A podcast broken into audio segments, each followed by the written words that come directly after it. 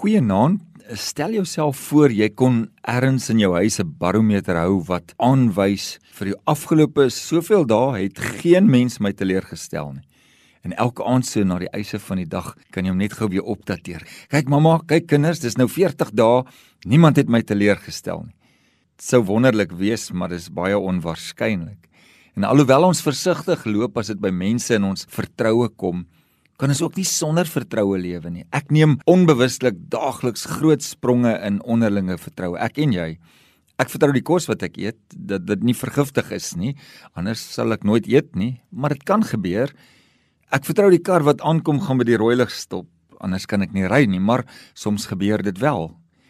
As mense my nie vertrou nie, sal ek nooit 'n werk kan kry nie en ook geen vriende kan hê nie. Die Bybel praat baie oor God wie ons ten volle kan vertrou nie om ons wil uit te voer nie, maar om sy wil met ons deur te voer. Jy sien, elke gelowige maak daarop aanspraak dat hulle die Here vertrou.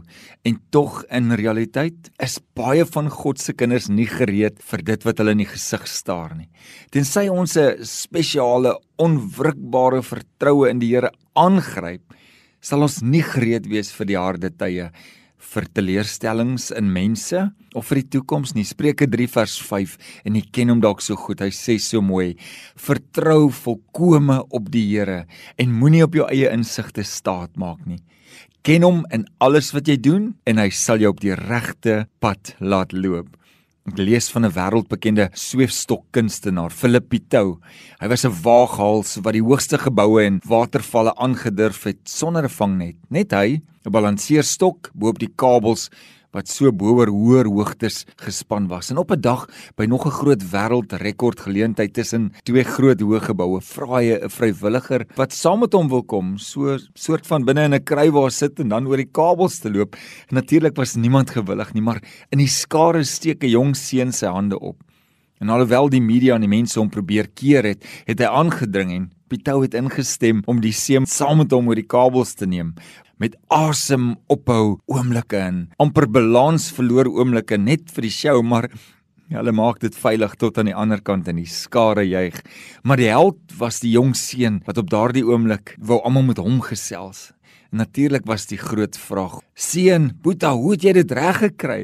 Waar het jy die moed gekry? En sy antwoord was dis maklik.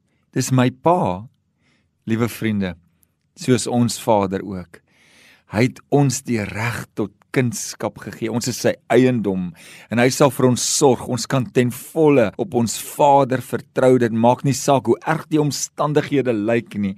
Psalm 125 vers 1 en 2 sê: Die wat op die Here vertrou, is soos Sion's berg wat nie wankel nie en altyd vas bly staan. Soos die berge Jerusalem aan alle kante beskerm, so beskerm die Here sy volk nou en vir altyd.